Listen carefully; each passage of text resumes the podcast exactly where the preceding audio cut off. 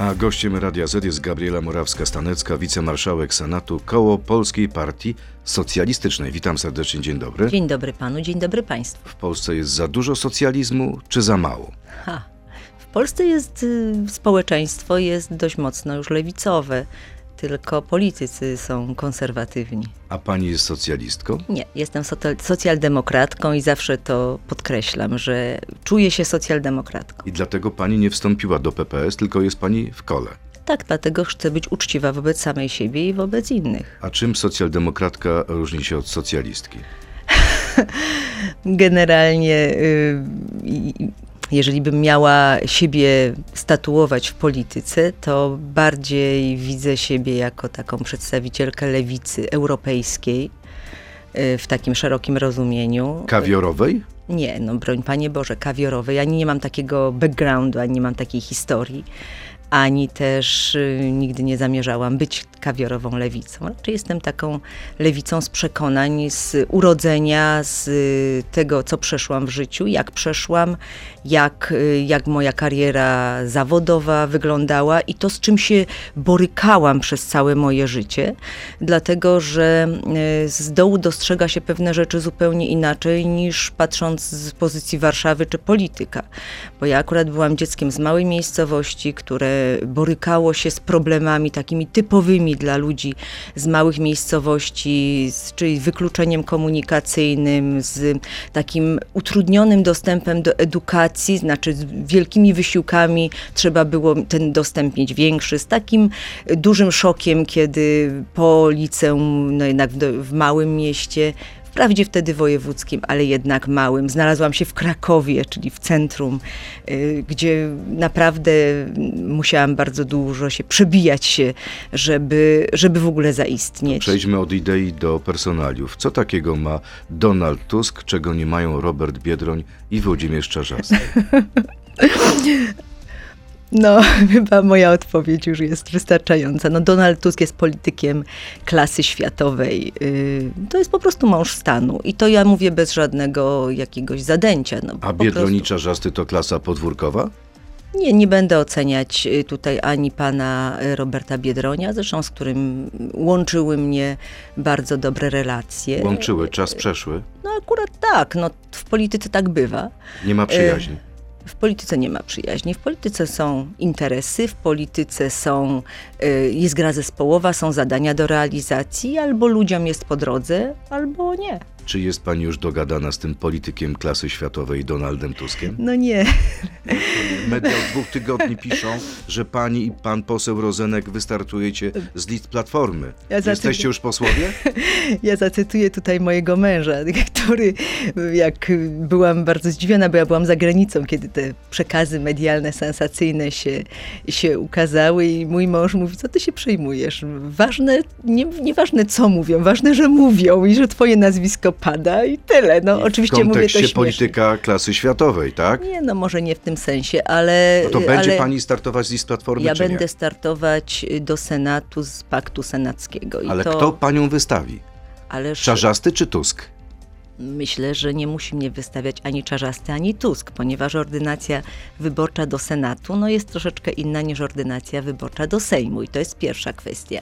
Druga kwestia jest taka, że na spotkaniu w y, ubiegłym roku, chyba w czerwcu czy w lipcu, y, z wszystkimi senatorami demokratycznej większości, wszyscy liderzy politycznych, wszystkich tych partii politycznych zadeklarowali, że ci senatorowie, którzy będą chcieli wystartować, będą mogli wystartować, ponieważ przez te trzy już prawie ponad trzy y, ciężkie lata zdaliśmy egzamin, sprawdziliśmy się jako drużyna, która osiągała cele, które mogła osiągnąć, czasami nawet troszkę więcej, w związku z czym te osoby wszystkie zasługują na to, jeżeli będą chciały startować do Senatu, żeby do Senatu startować. I ja się tego trzymam, a gremialnie im, no na razie im wierzę. A nie ma e, żadnej umowy między panią, panem posłem Rozenkiem, a Donaldem Tuskiem? No nie, nie, nie, nie, nie mam żadnej umowy, nie zawieram nie ma pani umów. takich takich aspiracji, nie potrzebuje pani tego.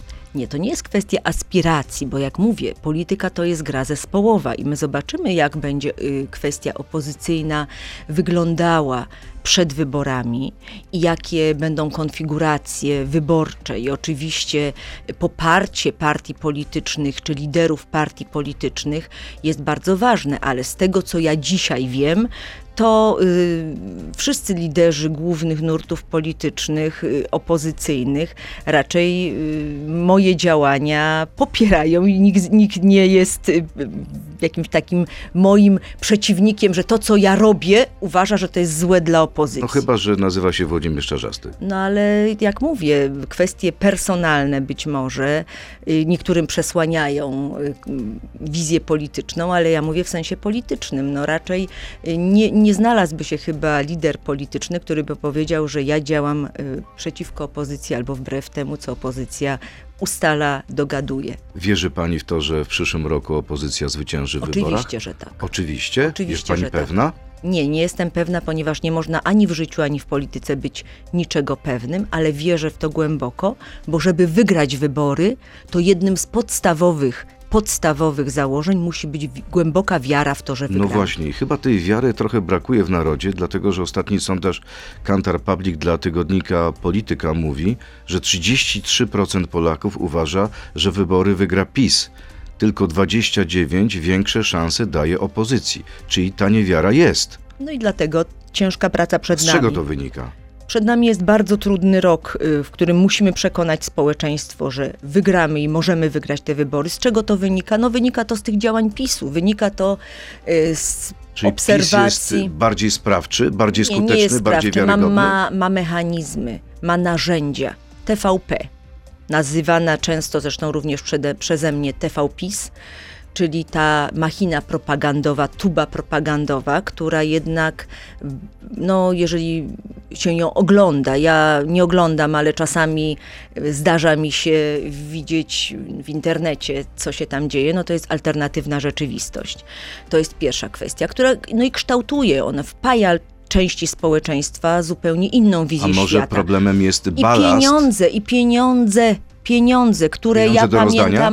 Ja pamiętam wybory w 2019 roku, te czeki takie wielkie, y, tektury, które oficjele PiSu, zresztą też Mateusz Morawiecki, on kandydował z mojego okręgu, więc... Ale no, każda blisko. władza rozdaje pieniądze. To Ale jest nie normalka. sposób. Nie, to nie jest normalka. Przypomnę panu liczby. Yy, zadłużenie, znaczy deficyt dzisiaj to jest jakiś bilion 700 miliardów, a zanim PiS doszedł do władzy w 15 to było chyba 800 ileś miliardów.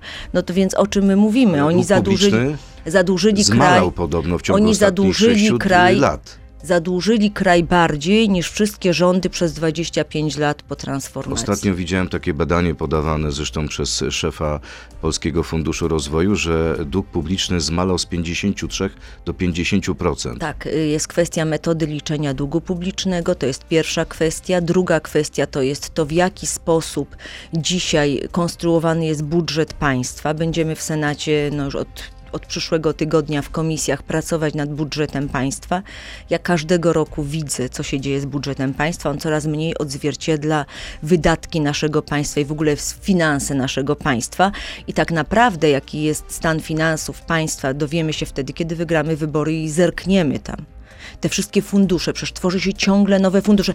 W budżecie państwa, to jest bardzo ciekawe, bo to wczoraj taką informację wyczytałam właśnie z budżetu, że tworzy się jakiś fundusz na rozwój y, straży pożarnej, czy pożarnictwa wśród dzieci i młodzieży i 40 milionów na to będzie przeznaczone. Jakaś taka pozycja, szkolenie pożarnicze, jakieś takie dziwne rzeczy, więc, więc widać, gdzie się te pieniądze, one się rozchodzą w Może różne dzieci miejsca. powinny też wiedzieć, jak się gasi pożar. No, Nie tak. tylko politycy, jak jest kryzys. Pożary w y, polityce głównie. Pani, pani marszałek, e, na koniec tej części naszej rozmowy krótka piłka, czyli pięć krótkich pytań, a, a pani ma tylko dwie możliwości, tak albo nie Aż się powiedzieć. boję. Proszę być spokojną. E, Żeby wygrać wybory, opozycja powinna zaproponować Polakom atrakcyjny program socjalny, tak czy nie? Tak. Czy program 500 Plus powinien być zastąpiony albo waloryzowany do 800 Plus, tak czy nie? Nie. Inflacja jest tak wysoka, że powinna być wprowadzona 15 emerytura, tak czy nie? Nie. Włodzimierz Czarzasty to gentleman i chętnie z nim umówię się na pojednawczą Nie. kolację. Nie. Ja jeszcze nie dokończyłem, pani już nie. Nowa lewica, mówię o partii, nie reprezentuje dzisiaj prawdziwych, prawdziwych socjalistów, tak czy nie? Tu trudno odpowiedzieć. Czyli i tak, i nie. I tak, i nie. A my tak mówimy, jeśli chodzi o przejście do części internetowej. Zapraszam Państwa na Radio ZPL, Facebooka i YouTube'a. To jest gość Radia Z. To co jest z tym Włodzimierzem Czarzastym? Nie wybaczyliście sobie jeszcze Ale dawnych ja w ogóle, spraw? jeszcze raz panu powiem, ja, ja nie poszłam do polityki, żeby zawierać przyjaźnie, żeby się z kimś przyjaźnić, żeby y, się umawiać na kawę. Y, Po prostu albo ludziom w polityce jest po drodze, bo reprezentują ten sam system wartości, te same ideały i zachowują się w stosunku do siebie tak, że mogą z sobą działać, albo nie. Nie Jeżeli reprezentujecie tego samego systemu tak, myślę, wartości? że nie. To jaki reprezentuje system wartości pan Czarzasty, a jaki pani? No, jeżeli chodzi o pana Czarzastego, to myślę, że jakby on tutaj usiadł, to panu opowie bardzo ze szczegółami, jaki reprezentuje system wartości. Ja mogę powiedzieć, jaki ja reprezentuję. Przede wszystkim szacunek do każdego człowieka. E, Nie ma szacunku do kobiet, y, do pań w Nowej Lewicy. Przecież wokół Włodzimierza Czarzastego jest mnóstwo kobiet, Ale młodych posłanek i one nie stanęły w pani obronie. Czy, Dlaczego? Panie redaktorze, ja nie wiem, czy w dzisiejszych czasach, kiedy nam jest tak trudno w Polsce i mamy tyle problemów, y, kwestia rozmowy na temat Włodzimierza Czarza- Czarzastego to jest najważniejsza rzecz, o jakiej możemy Nie rozmawiać. chce pani o tym mówić. No ja zamknęłam ten rozdział i dla mnie to jest sprawa po prostu już skończona. Czyli nie było żadnych e, przykrych słów i kto miał rację w tym sporze? Nie, nie, to, y, to wszystko, co było, znaczy w życiu tak się zdarza, że człowiek y, słyszy różne rzeczy i to nie jest kwestia przykrych słów, bo to jest za mało, żeby się w polityce poróżnić. Y, Było wielu różnych rzeczy i ja już zamknęłam ten rozdział mojego życia no, zawodowego, politycznego, bo to traktuję, no, w końcu jest to teraz mój zawód wykonywany i idę dalej i patrzę do przodu, a nie w tył. Jakby przyniósł kwiaty, bukiet róż Włodzimierz Mm, To Czarzasty. nie ma dla mnie żadnego znaczenia. Pani marszałek, zapraszam, bo powinniśmy razem, my, Lewica, stworzyć jedną listę. Nowa Lewica i PPS. Co pani na to? Dla mnie nie ma żadnego znaczenia, czy ktoś mi przyniesie kwiaty, czy nie. Bo jeżeli ktoś przynosi kwiaty dla interesu, to to nie jest Czyli żadne. nie przepuści pani Czarzastemu. Ale to nie chodzi o to, czy ja przepuszczę. Ja po prostu, dla mnie nie istnieje już ten rozdział. Koniec. Dobrze, to teraz rozdział, który istnieje, mianowicie fuzja Lotosu i Orlenu. Słowa Donalda Tuska. Wszyscy pewnie myślicie, że Arabowie robią najlepsze interesy na swoich polach naftowych. Nie. Zrobili najlepszy interes na Polsce przez durniów z PiSu. Podpisałaby się pani pod tymi Zgadzam słowami? się z tym. To są wnioski z, naszego, z naszej komisji, z posiedzenia pięciu połączonych komisji, co się pierwszy raz zdarzyło w historii Senatu, w sprawie fuzji, czy w ogóle wszystkiego, co jest związane y, z fuzją y, Lotosu i Orlenu, czyli też tych sprzedaży udziałów Saudi Aramco.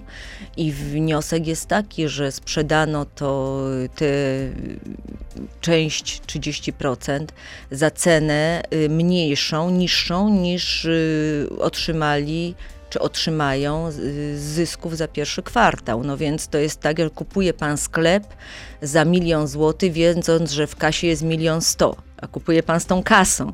Wchodzi pan, otwiera pan kasę i ma pan te pieniądze, które pan zapłacił, albo więcej. No jest to skandaliczne. Oczywiście my się... A czy to nie jest tak, że coś jest warte tyle, ile My się nie chce dowiemy, ale ja uważam, że to jest warte jednak znacznie więcej, znacznie większe pieniądze w to włożone. A, A poza państwo tym mają dostęp do kwestia, umowy? moment, y, kwestia interesów strategicznych Polski y, i to jest czasami ważniejsze niż pieniądze. Proszę o tym pamiętać, dlatego że dowiadujemy się również, bo nie mamy dostępu do umowy i pewnie na razie nie będziemy mieli. Właśnie, czy w ogóle y, pani jest prawnikiem? Czy jest możliwy No dostęp nie. do tej umowy? No niestety No bo nie. nie ma takich zwyczajów, żeby y, Jest ujawniać takie umowy. Jest to tajemnica handlowa. To czy można y- autorytatywnie wypowiadać się na ten temat? Y, Autorytatywnie nie można się wypowiadać na temat dokumentów, więc na temat dokumentów się nie będę wypowiadała. Ale y, tyle narosło wokół tego informacji i tyle padało informacji, no szczególnie w tych dziennikarskich śledztwach, które jakby nie zostały dementowane, że mamy, mamy uzasadnione wątpliwości, że wokół tej umowy y, no, jest coś nie halo, Ale nie czy tak. nie jest tak, że mamy słowo przeciwko słowo, do bo końca, mamy dlatego, że- pana premiera Sasina. Nie do końca, dlatego że y, kiedy, bo to wszystko, się jakby działo w takiej sekwencji zdarzeń, kiedy dowiedzieliśmy się, że zastrzeżenia umowne, od, i to na pewno jest prawda, odnośnie zakazu zbywania, czyli to prawo pierwokupu Orlenu w przypadku zbywania, że, że te zastrzeżenia są nieważne, nie zostały uznane za ważne, to się przecież zaczęło, to się wtedy Czy rozpętało. to nie było tak, że kontrolę nad y, tą transakcją, nad fuzją sprawowała Komisja Europejska? Tak, ale jakie Komisja Czy Europejska dostawała było informacje? dyrektywy a ze strony Brukseli? Nie. Że Dyre- macie zrobić to i nie. to, nie może być takich, a nie innych Bruksela nigdy czegoś takiego nie robi. Bruksela nigdy i to y, też dementuje to, co się mówi obecnie o tej ustawie o Sądzie Najwyższym. Bruksela nie pisze nikomu ustaw. Bruksela daje warunki brzegowe, tak się tworzy umowę, a to prawnicy danej firmy tworzą umowę, ale on, albo ona będzie jakby jako uznana za zgodna, realizująca te wymagania, czyli te warunki brzegowe, albo nie. I tak samo jest z ustawą o Sądzie Najwyższym. No tak, Dokładnie zaraz tak przejdziemy do tego, tylko kończąc jeszcze ten wątek słowa e, pana wicepremiera Sasina, bo e, Jacek Sasin radzi Donaldowi Tuskowi, żeby zamiast się bawić w politykę, zaczął układać klocki z wnukami, bo teraz, mówiąc to, co mówi, oszukuje Polaków, Mhm. ponieważ wszyscy widzieli dokumenty i to właśnie premier Tusk chciał sprzedać nie część rafinerii gdańskiej, a całą grupę Lotos Rosjanom. Najlepszą formą obrony jest atak. Ja nie będę mówić o panu Sasinie. Tak dla mnie to jest taki trochę człowiek demolka.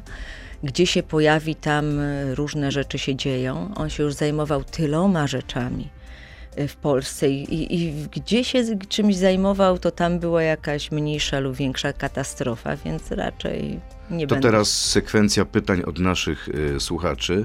Pan Robert, jak idą prace nad paktem senackim? Jak, jakie, kiedy dowie, y, obywatele dowiedzą się co i jak? Kiedy będzie finał tych rozmów? Znaczy, te rozmowy cały czas trwają. Myślę, że kwestie uzgadniania tego, kto będzie na liście, to będzie najpóźniejsza kwestia. Oczywiście z uwzględnieniem tych wszystkich rzeczy, o których mówiłam wcześniej, ale myślę, że będzie to jednak w pierwszym kwartale y, tego nowego roku. Dowiemy się mniej więcej. Do końca jak, marca? jak mniej więcej, ja, ja nie uczestniczę w tych rozmowach. Ja, ja wiem tylko tyle, ile wiem od kolegów. Mniej więcej, jak partie sobie między sobą rozłożą e, te głosy, ile każda partia dostanie miejsc w, partii, w pakcie senackim, bo to, które będzie zależało od badań i to jest założenie, żeby byli wybrani akurat w danych okręgach senackich, pamiętamy, to są jednomandatowe okręgi, żeby byli wybrani tacy kandydaci, którzy mają ogromne szanse wygrania. Dobrze, ale wracając jakby do pani kandydatury. Pani wystartuje niezależnie od tego, czy będzie pani popierana przez jakąkolwiek siłę polityczną? ale uważam, że pakt senacki to jest coś takiego, że wszyscy muszą się zgodzić na to, że w pewnych okręgach będą senatorowie konkretni. I to Y- jest zasada i założenie paktu senackiego. Dobrze. Tak jak było w, ubiegłym, w ubiegłych wyborach i tylko tam, gdzie y, te założenia nie były dotrzymane, no przegraliśmy. Pan Kuba, czy nie uważa pani, że w kontekście faktu, że mężczyźni żyją statystycznie krócej od kobiet, powinniśmy dążyć do zrównania, nie mówiąc już o wydłużeniu dla kobiet, wieku emerytalnego dla obu płci, aby wszyscy mieli szansę cieszyć się równie długim życiem na emeryturze? No i zrównania oczywiście tak. Ja y, powiem coś niepopularnego teraz. Ja jestem zwolenniczką równego wieku emerytalnego kobiet i mężczyzn z różnych powodów, ale oczywiście y, też z pewnymi y, wyjątkami być może, ale to powinna być zasada. Czyli jak równouprawnienie, to równouprawnienie, tak? Akurat tak. I dla mężczyzn, i dla kobiet. Tak, tylko że, tylko że jest jedna kwestia. Musi być systemowe wsparcie dla kobiet w tym okresie, kiedy to właśnie kobiety rodzą dzieci, wychowują dzieci, kiedy one mają mniejsze szanse na awans zawodowy, kiedy nie pracują przez jakiś okres czasu, ponieważ ta emerytura kobiet i mężczyzn jest potem zróżnicowana. I to prawda, że po obniżeniu wieku emerytalnego dla kobiet. Ten okres składkowych lat dla kobiet jest mniejszy. Kobiety zostają przeważnie y, szybciej same i to kobiet dotyczy ubóstwo na emeryturze. Bardziej kobiet niż mężczyzn. I dlatego jestem za zrównaniem, ale systemowo. To nie jest kwestia tylko jednej ustawy, która wyrówna, podniesie, bo to się Rozumiem. dotąd tak robiło. Miecz. Nemezis. Jest pani za utrzymaniem przywilejów. Y, Czy sędzia, który skazał zaocznie na śmierć Ryszarda Kuklińskiego, powinien mieć przywileje emerytalne? A może słynny piąt trzeci SB, zajmujący się inwigilacją organizacji religijnych, zakładaniem podsłuchów w konfesjonałach? Y, Czy jest pani za utrzymaniem przywilejów, rozumiem, ludzi, którzy byli przedstawicielami wymiaru sprawiedliwości w PRL? Proszę mi pokazać tych ludzi, to jest pierwsza rzecz. Po drugie, Nie ma już takich ludzi? mało. W Sądzie mało, Najwyższym podobno są nawet ludzie, którzy wtedy orzekali. chyba jeden albo dwóch, ale to y, ci ludzie wszyscy byli weryfikowani, ja przypominam, w 90 latach kilkakrotnie. A a propos podsłuchów w konfesjonałach, ja się uśmiechnęłam, jak pan redaktor widzi. Dlaczego? Dlatego, że Pegasus, którego się dzisiaj używa, czy- bo wiemy, że, że CBA jest w posiadaniu takiego, y, takiego urządzenia, takiego systemu, y, doskonale zastępuje podsłuch w konfesjonałach. Wystarczy, że taka osoba, która ma y, Pegasusa, która jest inwi- inwigilowana, wejdzie do kościoła i usiądzie parę metrów konfe- konfesjonału i wszystko słychać, co w tym konfesjonale się dzieje. Więc y, co zrobimy z tymi ludźmi, którzy dzisiaj używają Pegasusa, którzy stosują, no właśnie, co zrobimy? No bo jeżeli by stosować te schematy, no to raczej nic dobrego nie powinno ich czekać. Ja uważam, że oni oczywiście, i tu powiem jak prawniczka, odpowiem na to pytanie, które pan zadał, jak również na to, które teraz, co zrobimy. Każdy, kto złamał prawo, ma ponieść odpowiedzialność. Odpowiedzialność prawna musi być nieuchronna. Każdy ma odpowiedzieć za swoje czyny. Każdego należy rozliczyć. Każdego indywidualnie, nie ma odpowiedzialności zbiorowej. Każdy, kto złamał prawo, i dzisiaj mówię to również do tych, którzy uchwalili sobie takie przepisy, które im zapewniają na razie bezkarność, myślę, że to na razie. Y, To teraz kwestia nowej ustawy o Sądzie Najwyższym. Czy pani e, zagłosowałaby za takim kształtem ustawy, jaki poznaliśmy? Ona została wycofana. Nie.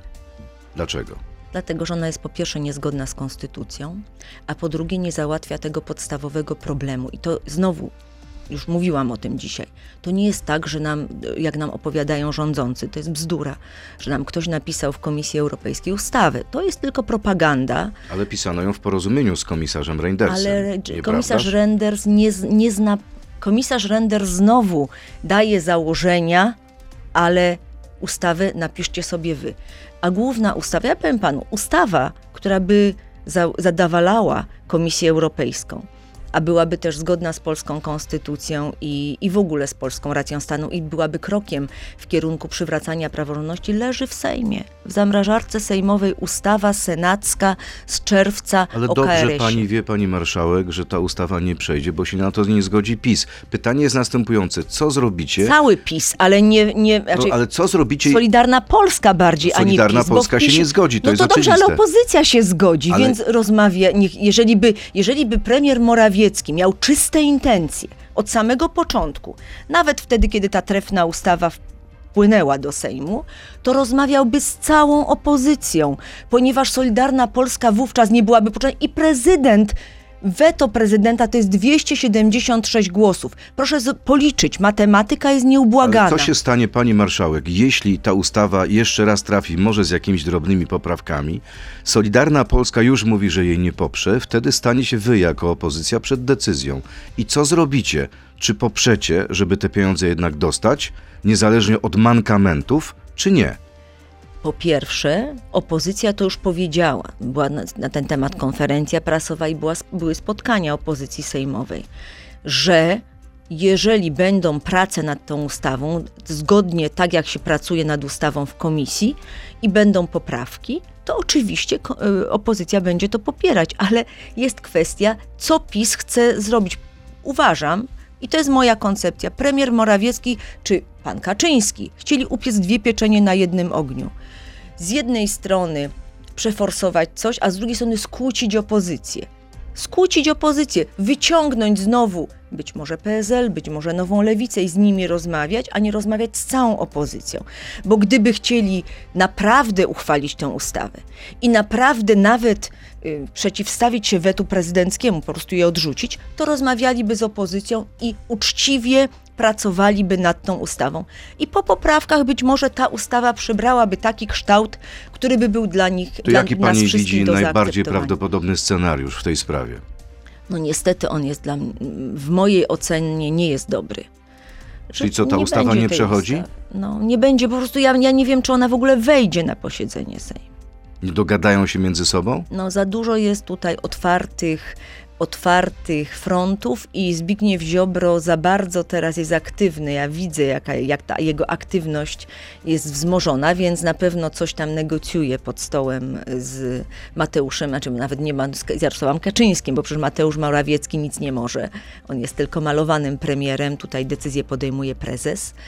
W związku z czym na pewno coś chce ugrać, ale nie wiem, czy akurat ta ustawa będzie tą, która, która będzie Pani marszałek, y, parę dni temu rozmawiałem z ambasadorem Cichockim.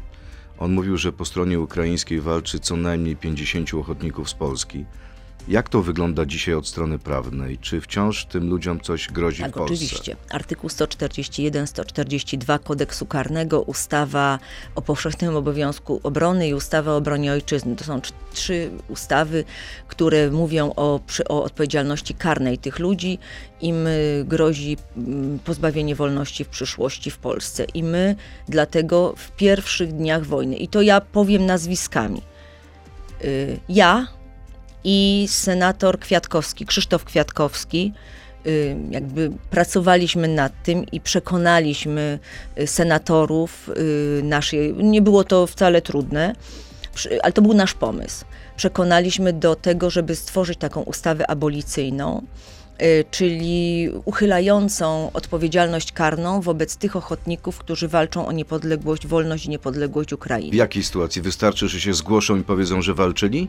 Y, Tak, chodziło o to, że oni musieliby po, po powrocie się zgłosić, powiedzieć, że walczyli i wówczas, y, no i oczywiście byłaby sprawdzona kwestia, gdzie walczyli, dlatego że my tam zawarliśmy y, takie, takie postanowienie, że muszą walczyć jakby pod dowództwem rządu, który jest uznawany przez rząd Rzeczypospolitej Polskiej, bo przecież różne oddziały są. Czyli muszą podlegać na Podlegać. przykład dowódcy ukraińskiemu. Dokładnie tak. A co y- się dzieje z tym projektem? No ten projekt został uchwalony przez nas 12 kwietnia, to jest druk 648 senacki. Oczywiście PiS był przeciw, nie wiem dlaczego. Y, I został włożony do zamrażarki sejmowej. I tej zamrażarce sejmowej sobie do dzisiaj leży, czyli to już jest 8 miesięcy. Ale czy y- politycy PiSu, czy senatorowie PiSu, z którymi pani rozmawia, tłumaczą, dlaczego tak się dzieje? Y, nie tłumaczą. Mało tego, ja kilkakrotnie w czasie debat senackich na różne kwestie, ale związane z Ukrainą, po- poruszałam to nawet z trybuny. I pan senator Skurkiewicz, który jest wiceministrem obrony narodowej, wyszedł na mównicę i powiedział, żebym ja się nie martwiła o nich, dokładnie do mnie się zwracał, ponieważ on zapewnia, że nikomu nic się nie stanie. No ja zapytałam, a kim pan jest i kim pan będzie? Nie jest pan sędzią, nie jest pan prokuratorem. To jest skandal, ponieważ pięciu tych żołnierzy y, zginęło już. Y, Wczoraj był pogrzeb w Częstochowie jednego z nich, 33-letniego. Y, My powinniśmy nie tylko myśleć o tym, żeby, żeby ci, którzy walczą dzisiaj, nie podlegali odpowiedzialności karnej, ale my powinniśmy iść krok dalej. Pomyśleć o tym, co będzie z rodzinami tych żołnierzy, którzy tam zginą, bo oni mają żony, dzieci.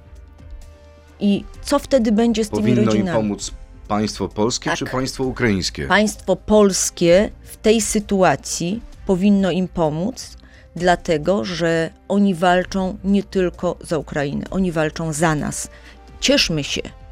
Oczywiście to jest bardzo smutne, smutna radość, ale cieszmy się, że to jest na terenie Ukrainy, a nie na terenie Polski. To ostatnie pytanie nawiązujące do tego. e, Myśli pani, że za rok o tej porze na Kremlu będzie jeszcze rządził Putin? Myślę, Ta że wojna nie. się skończy? Myślę, że nie.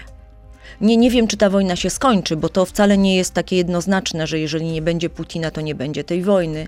Ale myślę, że jeżeli Europa y, i świat, bo Europa i, i, i Stany Zjednoczone, no bo to tak wygląda, y, przetrwa tą zimę zjednoczona w taki sposób, jak jest dziś, to y, w kontekście wojny w Ukrainie, to nie będzie, to Putin zacznie przegrywać.